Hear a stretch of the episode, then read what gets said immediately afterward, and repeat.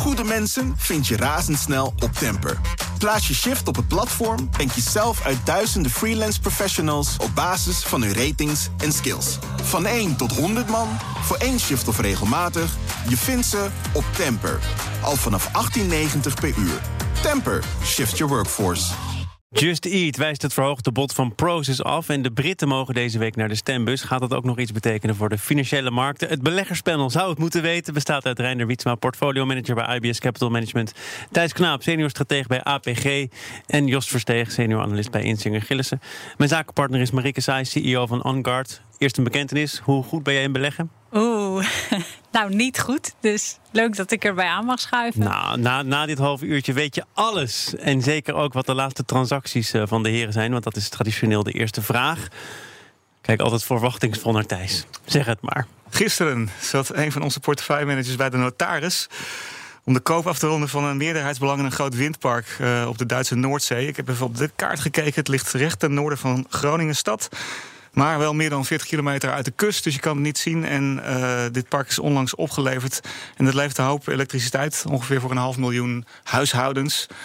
Uh, het is een belegging voor ABP, het pensioenfonds. En het combineert zo'n beetje al onze favoriete elementen. Dus Ik dacht het langjarig rendement, klimaatdoelen, alles doet mee. Um, uh, het is ook weer een illiquide belegging, ook al staat hij midden in het water. Maar um, dat, uh, dat heb ik je ook wel vaker verteld. Dat is ook een beetje omdat dat voor ons makkelijker is. Hè. Dit is een belegging die je kan zien, daar kan je naar wijzen en dan zeg je, die hebben we gekocht. Nou, niet toch? 40 nou, kilometer ja, heb ik net begrepen. Misschien kan je erbij. uh, en dat is wat, we doen ook heel veel in aandelen en obligaties, maar dat is altijd wat abstracter en zo. Dus ja. vandaar. Maar het is wel een trend. Inmiddels... Maar is het echt je laatste transactie? Of denk je als je hier op de radio bent, ik kom met een transactie die mensen begrijpen en die ze dus kunnen zien? Het is nooit de laatste transactie. Wij handelen de hele dag. Dus waarschijnlijk vanaf dat we begonnen zijn met dit panel een paar seconden geleden, is er alweer een transactie gepleegd. Maar dit is wel, uh, het is gisteren gedaan, hè, wat ik zei. Dus het is wel een grote en ja. was zeker onze laatste grote. Uh, en ja, we doen er een hoop. De infrastructuur is nu ongeveer 3% van de portefeuille. Het groeit nog steeds. Dus misschien kom ik nog wel eens terug met zo'n uh, aankoop. 31 december, hè? Ja, dan weer. Wie weet. Reinder, wat is uh, jouw, jullie laatste transactie? Uh, onze laatste transactie is geweest dat we een uh, heel klein stukje gekocht hebben van Beckington Dickinson. En dat is een onderneming die een beetje vergelijkbaar is met de 3M, maar dan voor alle medische spulletjes. Dus voor injectienaalden, voor bloedzakken, voor echt nou, tienduizenden producten die je in het ziekenhuis tegenkomt. Het bedrijf heeft in het verleden twee hele grote deals gedaan en nog veel schuld op de balans staan. En zijn er heel hard bezig om dat terug te betalen.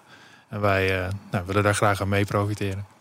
Dus dat ziet er goed uit voor dat bedrijf. Je denkt, uh, dit is het moment. Het, uh, wij, wij hopen in ieder geval dat het er goed uitziet voor het bedrijf. En uh, nee, ze hebben dat recent hebben dat aangekocht. En het is een bedrijf van ongeveer 70 miljard groot. Het is echt oh. wel een, grote onderneming. Jongens, ik kennen het gewoon niet. Wat slecht. Kennen jullie het allemaal wel? Nee. nee. 70 miljard. En dat je dat dan gewoon niet kent. Dat zegt toch wel iets? Ja. ja. Jos, nu we het toch over de grote bedragen hebben. Ja, ik heb vanochtend, vanochtend aangekondigd dat we Infineon gaan kopen uh, bij ons. En uh, daarnaast ook een, een, een deeltje uh, McDonald's. Maar vooral Infineon, daar heb ik de laatste tijd heel, heel veel naar gekeken. En past een beetje bij windmolens. Hè. Infineon maakt die, die, die power chips, die onder andere windmolens nodig hebben... om van wisselstroom naar gelijkstroom te gaan. Dus het is ook een behoorlijk duurzame belegging. Ik ben er, ben er erg blij mee. Ja, ja, duurzame belegging. En dan vervolgens ook nog even McDonald's kopen. Ja, dat, vonden, dat merkte ik bij de bankers bij ons, want die waren daar wat minder enthousiast over. Maar ja, toen, uh, toen hadden we toch, konden we toch nog wel zeggen dat ze wat meer slaven kochten de laatste tijd. Dus. Maar wat is de reden dat, los van dat de salades het goed doen, om, om nou, McDonald's, kijk, we willen ook wat defensievere aandelen, toch ook ietsjes uh, aan uh, zwengelen in de, in de portefeuille. En McDonald's is echt zo'n bewezen defensief aandeel, wat eigenlijk altijd gewoon heel stabiel blijft groeien. Een heel mooi dividend heeft, hè, een van de dividend aristocrats. En uh, ja, de laatste tijd was het een beetje die koers ietsjes teruggevallen met het vertrek van de CEO. Oh ja, die kon niet van. Mee, uh, dus die had een relatie met, met iemand. En uh, dat heeft de koers niet zo goed gedaan. Maar we denken dat het eigenlijk wel weer voorbij komt. Dus we zagen er een mooie kans in om uh, McDonald's op te nemen. Over koersen gesproken. Ik, ik vraag het één keer en als jullie allemaal zeggen... joh, die 600 punten grens, het zal allemaal wel. We zijn er alweer uh, onderuit gekukeld, want het is nu 595. Uh, was het voor iemand nog iets bijzonders? Nee. Boven de 600 eindigen? Nee. Nee. Nou, Marieke, voor jou wel? Nee, ik, vroeg dat, ik, vroeg me dat ook af ter voorbereiding. Ik dacht, wat betekent dit voor de gewone mens, die 600? Maar niks. Het is een heel arbitrair getal. En over tijd wisselt het ook nog continu. Want wat er in die AX in zit, is elke keer anders. Ja. Uh, dus de laatste keer dat hij doorheen ging, zaten er hele andere bedrijven in. Het gaat echt om de prijs die je betaalt voor ja, dus een mandje bedrijven. Het feit dat de rest van Nederland emotieloos was bij die 600, dat is eigenlijk gewoon gepast. Het lijkt me heel verstandig. Okay. Nou, je kijkt natuurlijk wel naar momenten dat die 600 ook weer werd gepasseerd. En dan ja. kijk je naar het tijdsbeeld. Wanneer was dat ook alweer? Lang geleden? Het is heel lang geleden, maar het heeft er ook vooral mee te maken dat die AX natuurlijk dividendrente uitkeert. Ja. Uh, dus dat blijft in bijvoorbeeld andere indices blijft dat erin zitten. Dus die groeien daardoor veel mooier door. We hebben hier zoveel aandacht aan besteed op heel BNR. heel goed dat het panel het heel ja, Er zijn wel veel particulieren die er naar kijken, merk ik wel. Dus, uh, ja. ja. we hebben helaas geen regeringsleider die een tweet stuurt als het uh, dat zou mooi zijn. Wat jij zegt, hè, ja? eigenlijk in aanvulling op wat Marieke vroeg. Als hier heel veel particulieren naar kijken, kijken die dan eigenlijk nergens naar? Waar kijken die dan naar? Nou ja, kijk, wij merken wel dat particulieren vaak wat meer op Nederland gericht zijn. Die vinden het leuk om over Nederlandse bedrijven te lezen. Die lezen over Nederlandse bedrijven in de kranten. En we zijn dan ook geneigd om wat meer naar, de AEX te kijken. Maar ja, internationaal is het natuurlijk helemaal niet zo relevant. En uh, institutie, institutionele beleggers kijken daar helemaal niet naar. Nee, toch Thijs? Nee, klopt. Maar het, dus ik moest ook even weer opzoeken wat, uh, waar die ook alweer stond. Maar het is wel een feit als je de AEX naast de MSCI World legt... en je kijkt van uh, hoe gaan die dingen... dan blijken ze 9 van de 10 keer dezelfde kant op te gaan. Dus in die zin is het ook niet helemaal zinloos als de AX omhoog is, kan je ervan uitgaan dat ja. het ook elders in de wereld wel goed gaat. Jos, we hebben elkaar deze week al gesproken. Gisteren ja. was dat over uh, de strijd uh, tussen Process en uh, Takeaway over Just Eat. die ontwikkelingen die blijven elkaar maar opvolgen. Want Process heeft dat bod inmiddels verhoogd. De maaltijdbezorger heeft inmiddels ook weer afgewezen. Ja. Um, wat is dat ook echt de laatste stand van zaken? Heeft dat ook echt iets fundamenteel veranderd? Eigenlijk niet. Kijk, als je een bod verhoogt met 4%, dat maakt niet echt uh, indruk. Uh, dan moet je op het allerlaatst moet je dan een smash-out bod doen en een flinke verhoging er tegenaan gooien. Maar ze hebben gewoon het, het, nadeel dat Takeaway, ja, denk ik, een heel sterk bedrijf is. Wat het via een aandelenruil wil doen. waardoor de beleggers dan ook meteen een belang krijgen in een heel sterke onderneming Takeaway.com. En dat is wel het sterke punt van, van Takeaway.com. Dat, dat je dus exposure houdt, dus je dus in, in het bedrijf blijft zitten. Als je kijkt naar het, het bod van Proces 740 pi, dat ligt technisch boven de koers van, uh, van Takeaway.com als je dat omrekent. Dus dan zou je denken van ja, weet je wat, ik neem het cashbot en dan koop ik daarna Takeaway.com of zo. Maar ja, dat is voor als je een grote belegger bent, is dat niet zo, niet, niet zo handig. Dat kan je als particulier misschien doen. Maar voor die, die grote aandeelhouders, ik denk dat die ook wel. Het lijkt er toch wel sterk op dat zij uh, gewoon het advies van Just Eat gaan volgen. En, en gewoon uh, het, het bod van Takeaway. Het is zo spannend, is het niet, maar het lijkt nou, ook. het is wel spannend hoor. Wel, het is wel okay. spannend. Ja, het is wel nou, behoorlijk onzeker. Ik denk het lijkt erop, het lijkt erop. Je, je weet het nooit zeker natuurlijk. Nee. Nou, wat mij opvalt is misschien ook omdat we het goed volgen, omdat er een Nederlands bedrijf bij betrokken is en Proces ook een Nederlandse CEO heeft. Maar het gaat wel hard tegen hard. Hè. We hebben het gisteren, Jos, gehad over die, die termen die Jitse Groen gebruikt. Het is bespottelijk, het kan echt niet. Proces zegt dan weer nee, maar wat jullie allemaal voor toekomst voor je zien, dat is veel te rooskleurig ingeschat. Dit is een waardevernietiging als het door zou gaan. Is dat gebruikelijk of um, is dit toch ook wel een harde strijd aan het worden? Nou, het is zeker niet gebruikelijk. En normaal, als je een bedrijf zou willen overnemen, wil je ook op goede voet komen te staan met het management dat voor jou daarna uh, die business moet gaan runnen. En op deze manier denk ik niet dat Proces in ieder geval het warmste welkom krijgt uh, bij Just Eat ja, het kan, het kan op verschillende manieren uitpakken uiteindelijk. Ja. Maar gebruikelijk is het zeer zeker niet. Thijs, kijk jij hier nog naar als institutionele belegger? Nee, weinig. Ik word hier altijd aangekondigd als stratege en daar hou ik me een beetje bij. Dus dan weet je het wel. Hè. Dan gaat het vooral over grote zaken. Wat mij wel opviel, ik zat even te lezen over wat uh, de, de, de, belangen van deze bedrijven, is dat één partij uh, uh, met name de strategie lijkt te hebben van niet zoveel investeren en vooral die, de, de, de, restaurants en de dingen zelf laten doen. En dat is voor mij wel een trend. Dus je ziet nu bedrijven die redelijk succesvol zijn, veel waard zijn en eigenlijk niet zoveel kapitaal nodig hebben. En ook niet zoveel zin hebben om er heel veel bij te investeren. En dat is wel iets wat je volgens mij steeds meer ziet. En wat het voor de grote belegger eigenlijk lastig maakt. Er is niet zoveel vraag meer naar, uh, naar kapitaal. Maar het Proces zegt daarvan, ja, dat is eigenlijk een misvatting. Ja. Hè? De technologie is verouderd, het loopt allemaal niet goed. Beste Just Eat, wat denk je te gaan doen als tekenweder is? Komt het dan eigenlijk wel goed met je? Nou, dat, dat, dat is wel een belangrijk punt inderdaad. Dat is ook een kritiek, kritiek geweest in, in Londen. Van, van ja, ze moesten allemaal echt heel veel investeren in bezorging. Maar het grote verschil zit erin dat Proces vooral bezorging heeft in Brazilië, en India en China. En daar kost het bijna niks. En in Europa is het hartstikke duur. Dus uh, ja, Proces kan makkelijker zeggen van wij willen echt heel veel eigen bezorging opbouwen. Omdat het in de landen waar zij voornamelijk zitten veel goedkoper is. Want gaat TKW, als ze Just Eats overnemen, ook daar echt investeren? Ja, dat hebben ze wel gezegd. Ze willen wel in Londen inderdaad, uh, willen ze toch wel ook wel meer investeren in bezorging. En ze hebben natuurlijk Scoober, hè, de eigen bezorging. Dus uh, dat, dat willen ze zeker wel doen. En dat zien ze ook wel dat het noodzakelijk is. Ja. En Jos, wat is de dag die we in de gaten moeten houden? Ik geloof 27 december. dat weet ik eigenlijk niet uit mijn oh, Nee, ja, 12 december de stemming in Groot-Brittannië. 15 okay. december is natuurlijk de deal tussen China en de Verenigde Staten. En dan 27 december volgende datum die we in de gaten moeten houden. Dan moet er duidelijkheid zijn over de toekomst van die bedrijven. En we hadden het zojuist over een overnamestrijd. Process, Just Eat, Takeaway. Daar kun je het uitvoerig over hebben. Maar het gaat nog niet over de megabedragen... die als je wat verder terugkijkt wel gangbaar waren. Thijs, hoe komt dat denk jij? Ja, we hebben uh, een hele lange rally op de aandelenmarkt gehad. En eigenlijk, als je naar de historie kijkt, eindigt die altijd met excessen. Waarbij je dan inderdaad denkt aan hele grote overnames met schuld gefinancierd. Noem eens een voorbeeld. Uh, oh, lang geleden. Blijf in de microfoon time, praten tijdens nadenken. Sorry, ja, nee, ik moest even nadenken, dus ik draaide even weg. Time, Time Warner en de. Ja, die is heel lang geleden. Ja, dus, maar dat, dat ja. ja, de kabel. Mannesman, hè? Ja, Mannesman. Ja, exact. Dus een beetje uit de internetbubbel was dat schering en inslag. En, en nu hebben we weer een hele lange rally gehad. En, zij, en het schuld is heel goedkoop. En toch zien we het veel minder. Hè. Dat Just Eat is eigenlijk maar een klein uh, akkefietje op deze schaal die we in het verleden gezien hebben. Mijn theorie, maar het is een theorie en niet anders, is dat het, uh, dat het ook een beetje een is. Dus dat er mensen die in 2008 uh, het helemaal fout hebben zien gaan met schuld, nu toch een beetje geleerd hebben van dit moeten we misschien niet meer zo doen. Die excessen zijn inderdaad excessen. Hè, die zijn nu net allemaal oud genoeg om de baas te zijn in plaats van de jongste bediende. En dat we misschien over twintig jaar weer excessen gaan zien, maar dat het nu nog redelijk beschaafd blijft. Ja, zou dat kunnen, Jos? Het is natuurlijk een theorie, niet meer dan dat. Heb ik net ja, nou, ik kan me er wel bij voorstellen. Je ziet wel dat de mentaliteit van mensen die 2008 bewust hebben meegemaakt, uh, nou, toch heel anders is. Uh, mensen zijn een stuk voorzichtiger, nog altijd. En, ja, uh, maar dat, tegelijkertijd dat is, goed. is er nog altijd heel veel schuld in de wereld. Als je kijkt naar de waarschuwing over financiële stabiliteit, dan speelt de schuld alsnog een belangrijke rol. Ja, ja zeker ook bij landen inderdaad zien we dat nog duidelijk. Ja, dat is wel het verschil, denk ik. Dus het Ja. zit nu met name bij overheden, voorheen veel bij, bij particulieren en bedrijven. En vooral in Europa zijn bedrijven veel minder schuld gaan, gaan houden. Reiner, over twintig jaar dan ben jij CFO, dan ga jij die risico's nemen. Ja, nou, ik, ik, zei net, ik, ik zei net tussendoor inderdaad van het zou nou vanaf mijn generatie weer mis moeten gaan. Ehm, ja, dus de mensen die niet he- heel bewust in hun werkende leven meegemaakt hebben hoe mis het kan gaan als je aan de verkeerde kant van de schuldbalans zit. Ehm, ja, dus dat zal er nog even duren. Dus dan zijn we nog goed, want ik ben nog geen CFO.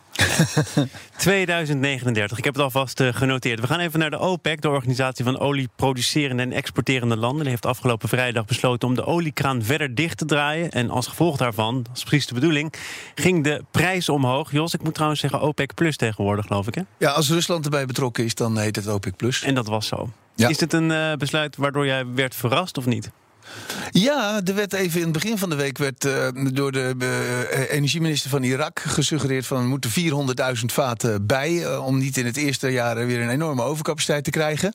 En toen bleef het verdacht stil. En toen in één keer toch heeft eh Saoedi-Arabië eh, doorgedrukt om toch die 500.000 vaten extra te gaan reduceren. En dat werd wel gezegd. De vrees was wel van dat het niet zou gebeuren, maar dat het wel nodig was. En uiteindelijk is het toch gelukt. Met, moet ik zeggen, een vreselijke dreiging. Want als eh, de, de andere OPEC-landen zich niet aan de quota houden, dan heeft Saoedi-Arabië beloofd van nou, dan gaan wij gewoon overproduceren. dat hebben we in nu toch op- 2014 gezien. Ze hebben toch op vrijwillige basis, heeft Saudi-Arabië toch nog gezegd... wij eh, Ja, zij nemen het grootste deel. nemen de reductie voor een belangrijk deel van onze... Ja, en daarmee verliezen ze toch behoorlijk marktaandeel hoor. Eh, De OPEC is nu eh, is als geheel teruggegaan van 43% naar 38%. Dat kun je niet heel lang gaan doen, hè, want op een gegeven moment heb je nul. En dat er wordt gezegd, je houdt je aan de afspraak, want anders dan... Ja, dan, Er wordt eh, toch voortdurend gesjoemeld? ja, maar er is ook een nieuwe olieminister gekomen. Een halfbroer van eh, Mohammed eh, bin Oh, dat Salman. verbaast me nou. En die, ja, precies. nou, en die heeft als opdracht meegekregen. eh, treed eens wat strenger op dan Khalid al-Khalil, eh, de vorige eh, minister. Zonder te oefenen. Heel- ja, helemaal, ja, en eh, die, die, heeft, ja, die, die moet zichzelf wel eventjes waarmaken. Dus het zou me niet verbazen als, als Saudi-Arabië dan toch gaat dreigen als het niet goed gaat. Maar de laatste tijd moet ik zeggen, zeggen, is die compliance redelijk geweest. En, en uh, eventjes voor de hele tafel, hoe machtig is die OPEC eigenlijk nog? Want daar wordt ook voortdurend over gediscussieerd. wat opmerkelijk is, is ondanks al deze verhalen... dat de olieprijs dit jaar uh, bijna niet uit de bandbreedte... tussen 60 en 70 dollar is geweest voor de Brent. Het zeven van de tien dagen lag hij daartussen. Mensen die benzine tanken, die weten dat. De benzineprijs in Nederland is ook ja. het hele jaar binnen twee dubbeltjes... 20 cent, zeg ik voor de jongeren, uh, van dezelfde prijs geweest. Ja, precies. En, uh, en, dat, en dat komt eigenlijk, wat je al zegt, de OPEC is niet meer zo machtig als vroeger. De Amerikanen zijn de grootste olieproducent ter wereld. En de Amerikanen produceren met schaliegas. En het fijne daarvan is, dat zijn allemaal hele kleine veldjes. En die kan je op- en afschakelen als het nodig is. Dus loopt de olieprijs op, komen de Amerikanen met extra aanbod, loopt die terug, valt het weer weg. En zo krijg je een hele stabiele prijs feitelijk. Goed voor Tesla. Uh, nou, het is niet zo hoog, dus uh, het, voor Tesla zou het natuurlijk beter zijn als de olieprijs weer boven de 100 kwam, zoals hij nog wel eens geweest ja. is. Op de achtergrond zal natuurlijk ook die IPO van Aramco meespelen. Dat Saudi-Arabië ja. er heel weinig behoefte aan heeft om nu alvast een stoere jongen van de klas uit te hangen en die olieprijs eens een keer te laten vallen. Ja, daarover gesproken. Dat, waar, dat, dat Saudi-Aramco, daarvan uh, was de teneur heel lang, het valt toch allemaal tegen. Roadshows niet door laten gaan, westerse belangstelling niet of nul. Maar dan las ik vandaag weer ergens in een bericht dat het toch weer meer gaat opleveren dan al eerder werd gedacht. Nou, het was vanuit Saudi-Arabië was er wel, geloof ik, een vraag van 110 miljard of zo. En er is, nou, het is ongeveer 25, 26 miljard uh, uitgegeven. Dus het kan, het kan zijn dat er vanuit Saudi-Arabië toch nog wel wat vraag is. Ik heb er verder niet zo heel veel van gezien. vanuit Saudi-Arabië? Ik, ik denk het wel, voor een groot gedeelte. Er was buiten Saudi-Arabië niet zo heel veel belangstelling. Uh. Nee, ja, we hebben het er ook al over gehad. Hè. Het is voor institutionele beleggers uh, niet echt aantrekkelijk. Nee, die zijn er volgens mij niet heel erg ingestapt. En uh, ja, ze brengen het nu lokaal naar de markt. En er is altijd de optie met een IPO om te zeggen: van, Nou, we hebben zoveel vragen, we doen er nog wat bij. En dat wordt vaak een beetje gemanaged. Zodat het inderdaad met een verrassing ja. uh, wat extra verkocht wordt. Ik hou hier mijn vingers in de lucht, want het is niet echt een verrassing. Ik was er bijna in getrapt, jongens. dat, uh, dus dat zien we nu. Uh, trouwens, voor beleggers, wat voor ons wel heel fijn is, die olieprijs, is dat die al, acht, dat die al een tijdje, even op mijn blaadje kijken, sinds begin dit jaar in backwardation is. En dat betekent dat de olie die je voor acht maanden in de toekomst koopt, uh, goedkoper is dan de olie die je nu koopt. En voor beleggers betekent dat dat ze een soort gratis rendement maken door te blijven zitten. Wat wij meestal doen. Technisch tussendoor. Ik wil met jullie afsluiten met iets wat misschien ook niet zo heel veel verrassingen gaat inhouden. Want de Fed komt morgen met een rentebesluit en dan de ECB op donderdag. En volgens mij is al aan alle kanten doorgecijpeld dat er niet zo heel veel stappen meer gaan plaatsvinden. Reinder, of kijk jij er toch nog met enige spanning naar uit? Uh, nou ja, het zal de eerste keer zijn dat uh, Christine Lagarde in Europa een, toespraak erbij zal houden. Het is ook altijd interessant natuurlijk om haar tone of voice en wording te horen en te zien. Qua beleid zelf op dit moment is de verwachting niet dat de rente ineens omhoog gaat spuiten. Nee. Dus en je, slaat, je slaat de vet al over, want daar gebeurt helemaal niks. Dan heb je ook niet een nieuwe voorzitter daar, die een. Uh, daar is op dit moment inderdaad uh, wordt daar weinig van verwacht. Uh, dus het zal nou, waarschijnlijk zo zijn als het nu is. Rente blijft gelijk en dan gaat het een beetje om de outlook. Ik bedoel, één kleine wijziging, de tone of voice, kan ook natuurlijk de markten nog, nog bewegen. maar op dit moment is het, nou, verwacht men er weinig van. Jos, jij kijkt ook niet heel gespannen uit naar morgen en overmorgen. Uh, nou, ik vind het altijd interessant om te lezen wat er, uh, wat, wat er speelt bij de centrale banken. Dus uh, ja, ik lees die toeslagen, die, die, die, die verslagen altijd wel. Ik kan ook veel mensen thuis aanraden om dat te lezen. Z zeker van de Amerikaanse centrale bank. Zij is heel goed leesbaar. Maar wie zou je dat aanraden dan? Ja, iemand, die er, ja, iemand die in beleggen geïnteresseerd is. Het geeft toch vaak een heel duidelijk beeld van de economie en wel, hoe de, de centrale bank daarover denkt. Het zijn vaak heel leesbare toespraken. En zeker Paul heeft ook gezegd dat hij echt voor de gewone man uh, duidelijk wil overkomen. En Lagarde? Ja, dat weet we ik. het misschien over klimaat hebben, wellicht. Of ja, ik vind. Zij zou, ze, ze, zal waarschijnlijk gaan doen wat haar min of meer opgedragen is. Uh, overheden gaan stimuleren om wat meer te gaan investeren. En dat zou natuurlijk goed zijn. Dat is wel grappig hè, voor Lagarde. Die heeft dus nu twee dossiers op het bureau liggen. Uh, het klimaat en overheden laten uitgeven... die eigenlijk helemaal niet bij de ECB horen, nee, traditioneel nee. gezien. De vraag is of ze er in de toekomst bij gaan horen. Maar dat maakt het wel wat lastiger om daar met een consistent verhaal te komen. Nou, ik heb gisteren het economenpanel over de vloer gehad. En toen ging het over de ruimte die ook als je kijkt naar het verdrag van Maastricht... er wel ligt om buiten puur prijsstabiliteit te gaan. En dan zou je kunnen zeggen, alles wat voor de eurozone belangrijk is... daar mag de ECB zich tegenaan bemoeien. Ja. En dan hoort klimaat er wel bij. Ja, en minder vet eten. En, uh... ja, weet. Ik hou die toelichting in de gaten. Nee, maar dit is een hele principiële discussie die wat meer ja, vraagt dan, dan één Ik vroeg me ook af van, hoe, wat is nou groen monetair beleid? Maar er zijn inderdaad wel dingen. Dus je moet er rekenen met risico's als, als centrale bank. Wat kan er misgaan? Nou ja, klimaatrisico's horen daar natuurlijk bij uh, in, in deze tijden. En ze kopen natuurlijk heel veel op. En nu wordt er blind uh, wordt de markt gekocht. Je kan natuurlijk best zeggen, het zou beter zijn voor Europa als we daar wat voorzichtig mee zijn en, en niet vervuilende bedrijven of instanties. Maar dat is een politieke keuze. En dan zeggen weer mensen, die bestuurders zijn niet democratisch gekozen. Dus, nee, dat zijn lastig, want wie beslist dan wat wel en niet vervuilend is? Ja, dat, dat is een, een, een can of worms, zoals ze in het Engels zeggen. Kom je op heel glad ijs. Nou, dat gaan we, daar gaan we niet meer aan beginnen. Dank jullie wel. Reiner Wietsma, portfolio manager bij IBS Capital Management. Thijs Knaap, senior stratege bij APG. En Jos Versteeg, senior analist bij Insinger Gillissen. Marike Saai, weet je inmiddels genoeg van beleggen? Uh, nou, ik wil er nog wel meer over weten. De, de cursus blijft gewoon doorgaan hier. Elke dinsdag met het beleggerspanel. Goede mensen vind je razendsnel op Temper. Plaats je shift op het platform en kies zelf uit duizenden freelance professionals op basis van hun ratings en skills. Van 1 tot 100 man, voor één shift of regelmatig, je vindt ze op Temper. Al vanaf 18,90 per uur. Temper, shift your workforce.